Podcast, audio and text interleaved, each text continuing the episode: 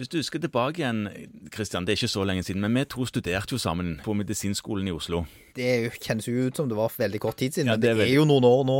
Ja. En av de tingene vi gjorde der, det var å ta en sånn snappert Ja. og eh, ta, ta og ta fingeren, eller hva det var, og ta den bortpå. Den, det den gjorde, det var en liten sånn ørliten giljotin som kutta deg. Og Ja. så satt den der med en liten sånn bomullsdott, og så tørket den vekk når det kom en bloddråpe.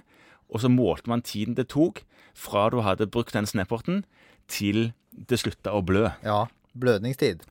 Man målte rett og slett blødningstid. Ja. Eh, Og noen hadde jo litt tynt blod og ble sittende der og tørke blod i all æve. Ja. Og det vi vel lærte en gang der mens vi satt der, av eh, professoren som underviste oss, det var at du tok ikke et blodprøveklass og sendte det til eh, laboratoriet og ba om laboratoriet kunne være så snill å komme tilbake med en blødningstid. Da, da sa han at da ble han veldig lei seg. Ja, det ble jeg veldig lei seg. Det var ikke- veldig trist. Det var ikke sånn man målte det. Men Nei. hvorfor forteller jeg dette? Jo, fordi at jeg fikk et brev, og oppi der så lå det en, en sånt kort med to tallkolonner på.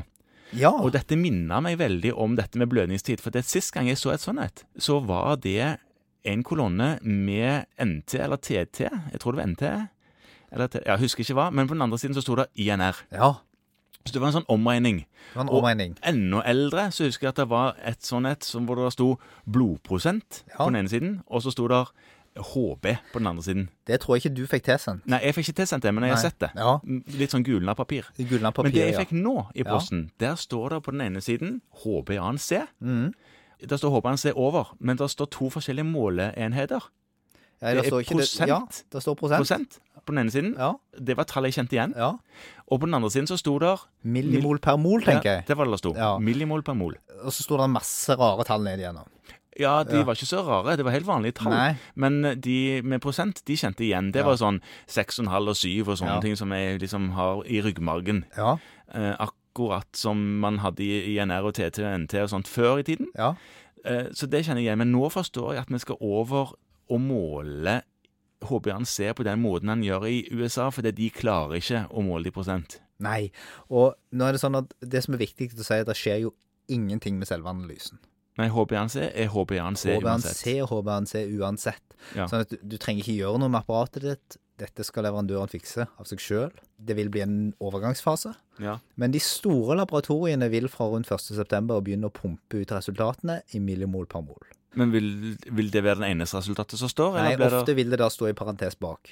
Altså du får det kjente tallet òg? Du skal i starten få det kjente tallet, men, men det vil etter hvert fases ut. Det gikk greit på INR, så vi skal nok klare dette. Og vi har mange nå fått, fra Noklus fått et sånt der eh, omregningskort. Det lille kortet jeg snakket om? ja. lille kortet vi snakket om. Og da, da er det litt sånn at mange av oss som har jobba lenge, vi husker liksom at ja, men det er en HBNC-grense på 6 som er normal, og så er det en HBNC-grense på 6,5 som indikasjon for diabetes. Mm. Så er den Behandlingsmålet har jo ofte vært på 7. Ja. Eh, og nå, nå må vi over til andre verdier. Og de verdiene korresponderer ikke. Det gjorde det for så vidt ikke før heller, på verken på blodprosenten eller på Nei, nei.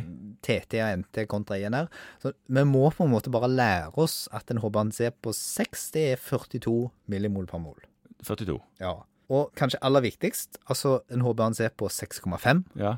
er 48 millimol per mol. Så nå er diabetesgrensen 48 millimol per mol. Ja. HbA1c. Det med Ja, men syv, da. 7,53. OK. Og det vil si at på en måte så kan du jo si at du havner en grei plass, fordi at eh, behandlingsmålet for mange med diabetes det er jo rundt syv. Mm. Og da kan du si at så lenge du har en HBNC mellom 50 og 55, så er du rundt syv. Ja. Og dette kommer til å bli innarbeidet. Alle nye tekster, alle nye retningslinjer som blir gitt ut.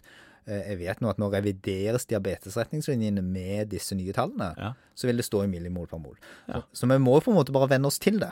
Og nå forsvinner jo den misforståelsen som iallfall for enkelte pasienter eksisterer, med at langtidsblodsukker som vi har oppgitt i prosent inntil nå, er det samme som glukosemålet Ja. som de har på sin eh, hjemmemåler. Mange av de har jo trodd at det henger sammen. Ja, og, og det gjør det jo, men det er ikke samme det, du, Du kan ikke sammenligne 7 i HBNC og 7 i fastende blodsukker. Nei, det er akkurat det mange tenker at de kan. Ja. Og millimol per mol er jo egentlig bare en annen måte å si prosent på.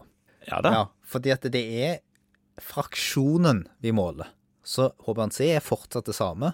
Eh, og alle apparatene kan fortsatt brukes, de må bare programmeres til å gi ut tallet på en annen Ja, måte. fraksjon, sier du. Altså fraksjon av glykosylert hemoglobin i Ja. blod. Ja. Mm. Og det er fortsatt den vi måler, og nå er det hvor mange millimol det er per mol Ja.